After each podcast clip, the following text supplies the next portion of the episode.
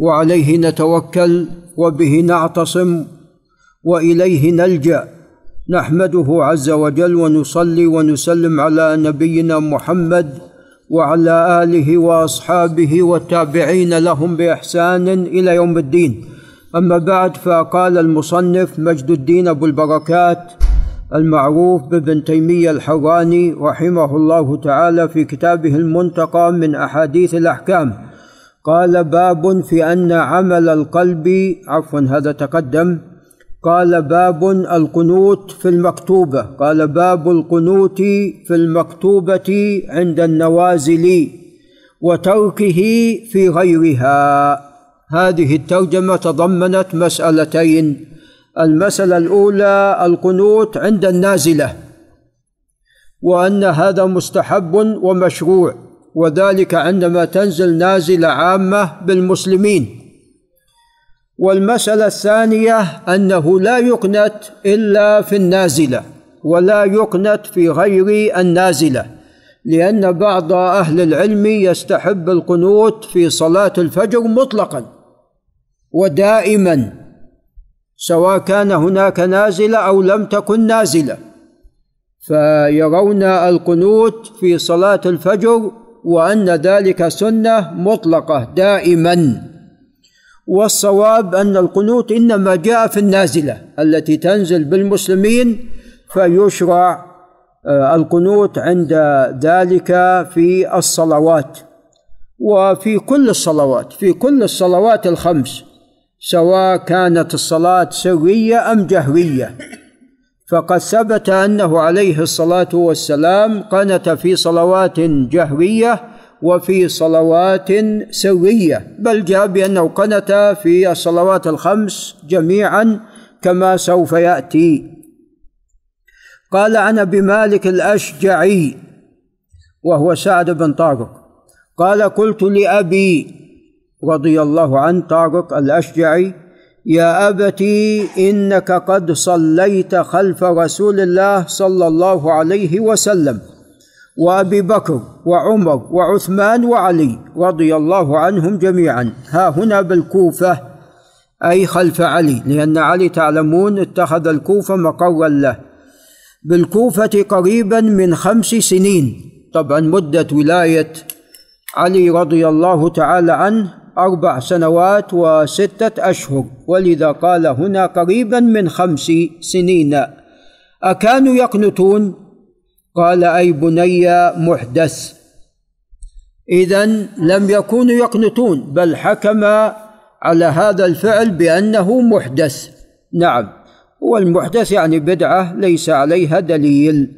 قال رواه أحمد والترمذي وصححه وابن ماجه والحديث صحيح.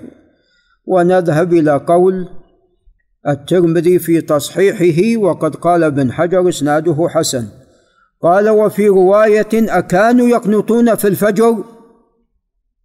فقال ما تقدم محدث.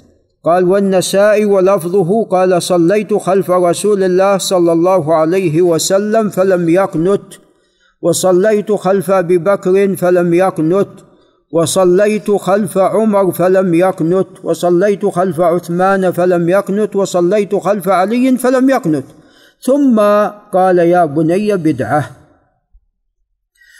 اذا القنوت دائما هذا ليس من السنة في شيء بل هذا بدعة. قال وعن أنس رضي الله عنه أن النبي صلى الله عليه وسلم قنت شهرا ثم تركه. وهذا يؤيد الحديث السابق. رواه أحمد وفي لفظ قنت شهرا يدعو على أحياء من أحياء العرب ثم تركه. رواه أحمد ومسلم والنسائي وابن ماجه وفي لفظ قنت شهرا حين قتل القراء. فما رأيته حزن حزنا قط أشد منه رواه البخاري. عندما غدر بعض أحياء العرب بالقراء أي حفظت كتاب الله جل وعلا وسنة رسول الله صلى الله عليه وسلم وكان يطلقون على طلبة العلم قارئ. حزن عليه الصلاة والسلام عليهم وقنت يدعو على هذه الأحياء التي قتلت هؤلاء القراء غدرا.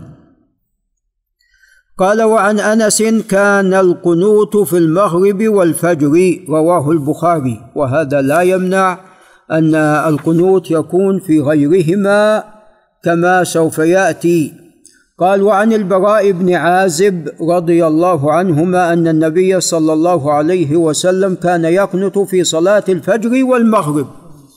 فهنا في ذلك زيادة صلاة نعم نعم ذكر كما ذكر انس في الفجر والمغرب. وسوف يأتي في حديث أبي هريرة أنه قنت في صلاة الظهر عليه الصلاة والسلام فثبت في الصحيح أنه قنت في صلاة الظهر. قال وعن ابن عمر رضي الله عنهما أنه سمع رسول الله صلى الله عليه وسلم يقول اللهم العن فلانا وفلانا وفلانا بعدما يقول سمع الله لمن حمده ربنا ولك الحمد. إذا محل القنوت في الركعة الأخيرة. وأن هذا القنوت بعد الرفع من الركوع. وثبت أنه قنت قبل الركوع. ولكن الغالب على قنوته بعد الركوع. فالإنسان مخير بين أن يقنت قبله وبعده. وحتى في صلاة الوتر أنت مخير بين القنوت قبل الركوع وبعده. ولكن الغالب القنوت بعد الركوع. نعم فكان يقول اللهم لعن فلانا وفلانا وفلانا ممن كان يؤذي المسلمين ويعذب المؤمنين. بعدما يقول سمع الله لمن حمده ربنا ولك الحمد فأنزل الله تعالى ليس لك من الأمر شيء إلى قوله فإنهم ظالمون رواه أحمد والبخاري. وطبعا يعني هنا في في ذلك النهي عن لعنهم. نعم. ومعنى العنهم أي لا تجعل لهم نصيبا من رحمتك ومعنى ذلك الا يسلمون. نعم. فلذا والله أعلم جاء النهي عن ذلك. وقد أسلم هؤلاء. كلهم قد هداهم الله عز وجل إلى الإسلام. ولذا والله أعلم لعن الحي لا يجوز. لعن الحي لا يجوز. هذا إذا كان كافرا. نعم. أما إذا كان مسلما فلا شك. نعم. هذا إذا كان كافرا. وإنما تدعو عليه إذا كان مؤذيا بما يتيسر من الدعاء عليه. أما اللعن لا لأن اللعن معناه يعني الطرد من رحمة الله ومعنى ذلك أنه لا يسلم. والدعاء لهم بالإسلام يعني هذا قد ثبت. دعا الرسول عليه الصلاة والسلام لدوس اللهم اهد دوسا وأتي بهم. نعم. وأما أصل القنوت فهذا مشروع وباقي. قال رواه أحمد والبخاري. وعن أبي هريرة رضي الله تعالى عنه أن النبي صلى الله عليه وسلم كان إذا أراد أن يدعو على أحد أو يدعو لأحد قنت بعد الركوع فربما قال إذا قال سمع الله لمن حمده ربنا ولك الحمد اللهم انجي الوليد بن الوليد. الدعاء لأحد أو الدعاء على أحد. عليكم السلام. الدعاء لأحد إذا كانوا يعني في شدة وكرب ولأواء فهذا فيه مشروعية الدعاء. أي نعم لهم للغير. يعني أنت سمعت عن إخوانك المسلمين حصل لهم شدة وكرب ولأواء فيشرع لك أن تدعو لهم. نعم يعني مثلا في الشام في العراق في اليمن في غيرها من البلاد حصل شدة لإخوانك الاعواء فيشرع أن تدعو لهم. اللهم انجي الوليد بن الوليد وسلمه بن هشام وعياش بن أبي ربيعة والمستضعفين من المؤمنين الذين كانوا بمكة. اللهم اشدد وطأتك على مضر والمقصود هنا من مضر قريش ومن معهم. واجعلها عليهم سنين كسني يوسف. سبع سنوات تعلمون صار فيها شدة والاواء عليهم. قال يجهر بذلك ويقول في بعض صلاته في بعض صلاته في صلاة الفجر اللهم لعن فلانا وفلانا حيين من العرب حتى أنزل الله تعالى ليس لك من الأمر شيء رواه أحمد والبخاري. وإنما الممنوع كما تقدم والله أعلم اللعن دون غيره. قال وعن أبي هريرة رضي الله عنه بينما النبي صلى الله عليه وسلم يصلي العشاء وهذا فيه الدعاء في العشاء وثبت أنه قنت في الظهر كما سوف يأتي. قال يصلي العشاء إذ قال بينما النبي صلى الله عليه وسلم يصلي العشاء إذ قال سمع الله لمن حمده. هذا في الركعة الأخيرة كما تقدم. ثم قال قبل أن يسجد اللهم نج الوليد بن الوليد. اللهم نج المستضعفين من المؤمنين. الوليد بن الوليد بن هشام بن المغيرة. نعم. فهو كان مسلم واخوه خالد بن الوليد أسلم بعد ذلك بخلاف أبوهما الوليد فإنه مات كافرا نعوذ بالله من ذلك. اللهم اشدد وطأتك على مضر اللهم اجعلها عليهم سنين كسني يوسف رواه البخاري وهذا في القنوت في العشاء. وعنه أيضا قال لأقربن بكم صلاة رسول الله صلى الله عليه وسلم. فكان أبو هريرة يقنط في الركعة الأخيرة من صلاة الظهر والعشاء الآخرة. الآن أربع صلوات. صار فيها القنوت الفجر والظهر والمغرب والعشاء. دون العصر وسوف يأتي في حديث ابن عباس أيضا العصر. فكان أبو هريرة يقنط في الركعة الأخيرة من صلاة الظهر والعشاء الآخرة وصلاة الصبح بعدما يقول سمع الله لمن حمده فيدعو للمؤمنين ويلعن الكفار. يدعو للمؤمنين الذين هم مستضعفين يدعى لهم. ويلعن الكفار الذين كانوا يعذبون يعذبون هؤلاء المؤمنين. متفق عليه وفي رواية لأحمد وصلاة العصر مكان العشاء الآخرة. وما في الصحيحين أصح. ما في الصحيحين أصح لكن هذا حديث ابن عباس الآن يأتي. وعن ابن عباس رضي الله عنهما قال قنت رسول الله صلى الله عليه وسلم شهرا متتابعا في الظهر والعصر والمغرب والعشاء والصبح في دبر كل صلاة. كان الشيخ عبد العزيز رحمه الله أيام أزمة الخليج كان يدعو في الصلوات الخمس جميعا. في دبر كل صلاة إذا قال سمع الله لمن حمده من الركعة الآخرة يدعو عليهم على حي من بني سليم على رعل وذكوان وعصية وهؤلاء من أحياء بني سليم على رعل وذكوان وعصية ويؤمن من خلفه وإلى الآن في بني سليم رعيلي. نعم وهم هؤلاء والله أعلم. لكن هؤلاء من أهل الإسلام بحمد الله أسلموا بخلاف ال... ويؤمن من خلفه. رواه أبو داود وأحمد وزاد أرسل إليهم يدعوهم إلى الإسلام فأرسل من يعلمهم الإسلام فقاموا قتلوهم. نعوذ بالله. فقتلوهم قال عكرمة كان هذا مفتاح القنوت. وحديث ابن عباس يعني إسناده صالح. نعم. وذهب بعض أهل العلم إلى أنه لا يقنت في الجمعة.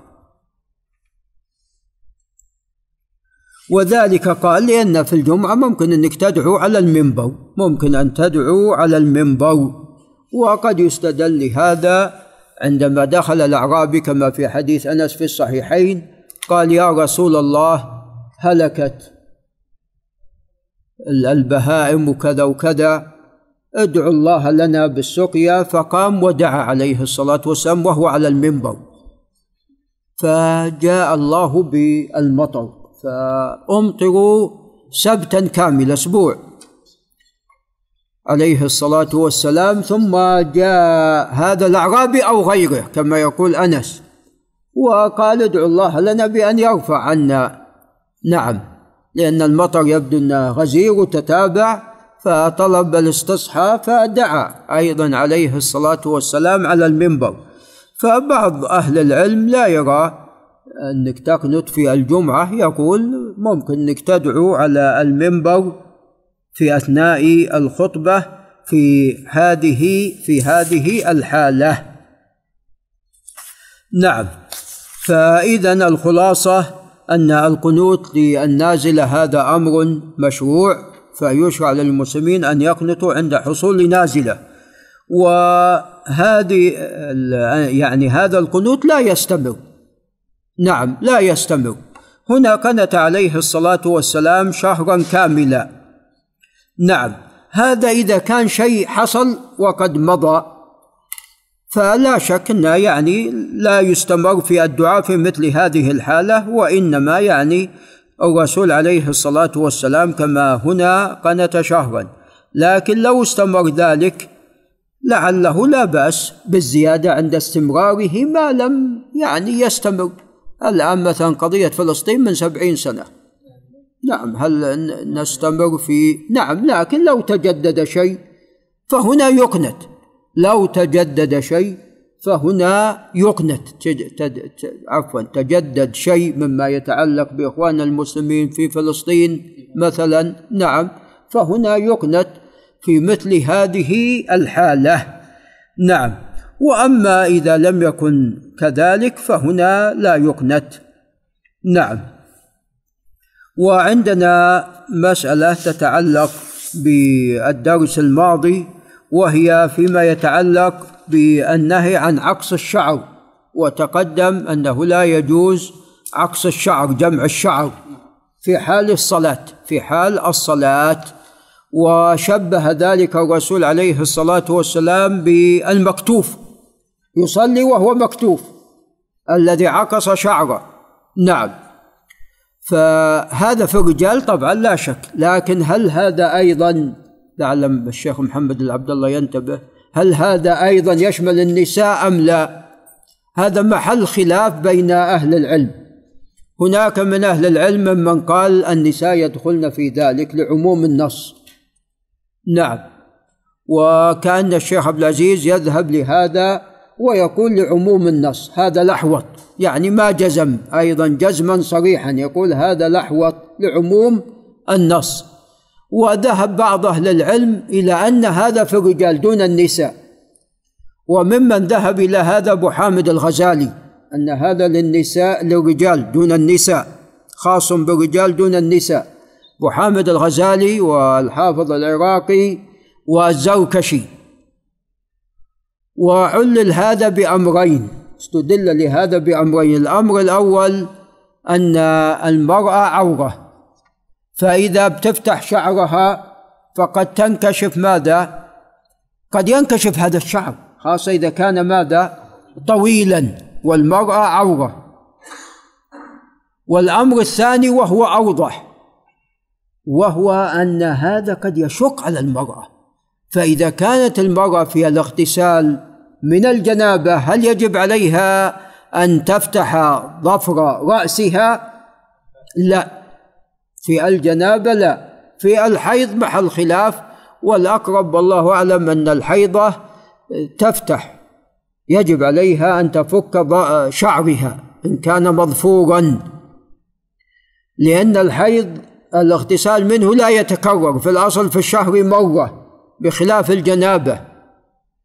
ففي الجنابة في حديث أم سلمة الذي رواه مسلم قالت أفأنقذه لغسل إني امرأة أشد ظفر رأسي. أفأنقذه لغسل الجنابة قال لا. فإذا كانت في حال الاغتسال ولجنابة لا تفك شعرها مرخص لها. نعم. فمن باب أولى والله أعلم في غير ذلك. فيشق على المرأة بتفتح شعرها ثم بتجدل شعرها وكان النساء فيما سبق يعني الغالب الجدايل والشعور طويلة ولو بتفتح وبتغلق يعني. نعم لا شك أن هذا يصعب والصلوات خمس مرات في اليوم.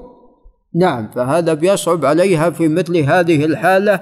فأنا أميل والله أعلم إلى أن المرأة نعم ليست لا تدخل في ذلك كما هو بالنسبة للرجل.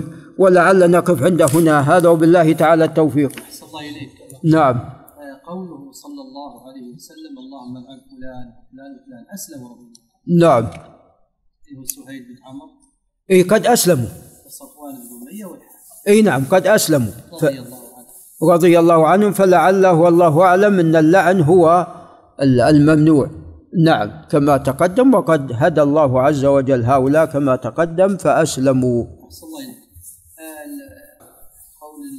نعم. صاحب الليل. نعم. الحديث يدل على نسخ القلوب بلعن مستحقين. كيف النسخ؟ والله إذا كان المسألة لعن كما تقدم لا. جاء النهي عن ذلك. ليس لك من الأمر شيء أو يتوب عليهم أو يعذبهم فإنهم ظالمون. وقد تاب الله عز وجل عليهم. وأما في غير اللعن اللهم نعم كف أذى فلان أو اللهم أهلك فلان فهذا لا بأس به. إذا كان مؤذيا وكان كافرا بالذات إذا كان كافرا. نعم.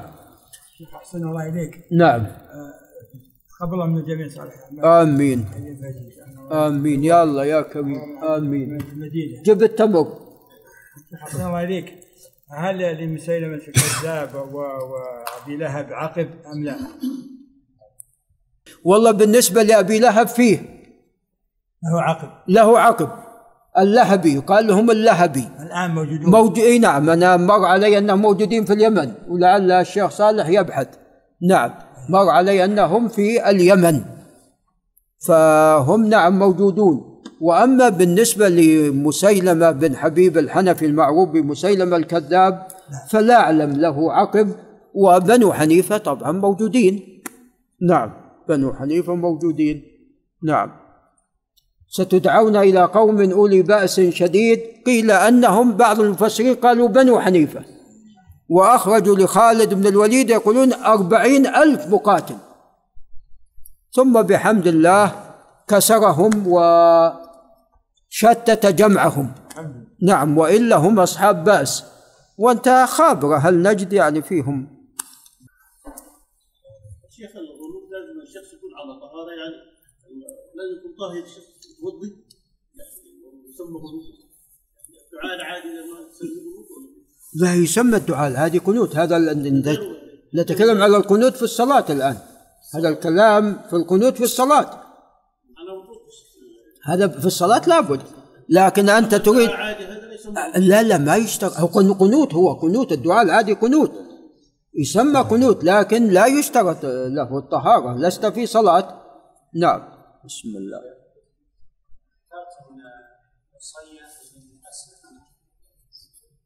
سليم سليم. بنو سليم. لا لا بنو سليم. بنو سليم من من هوازن. نعم.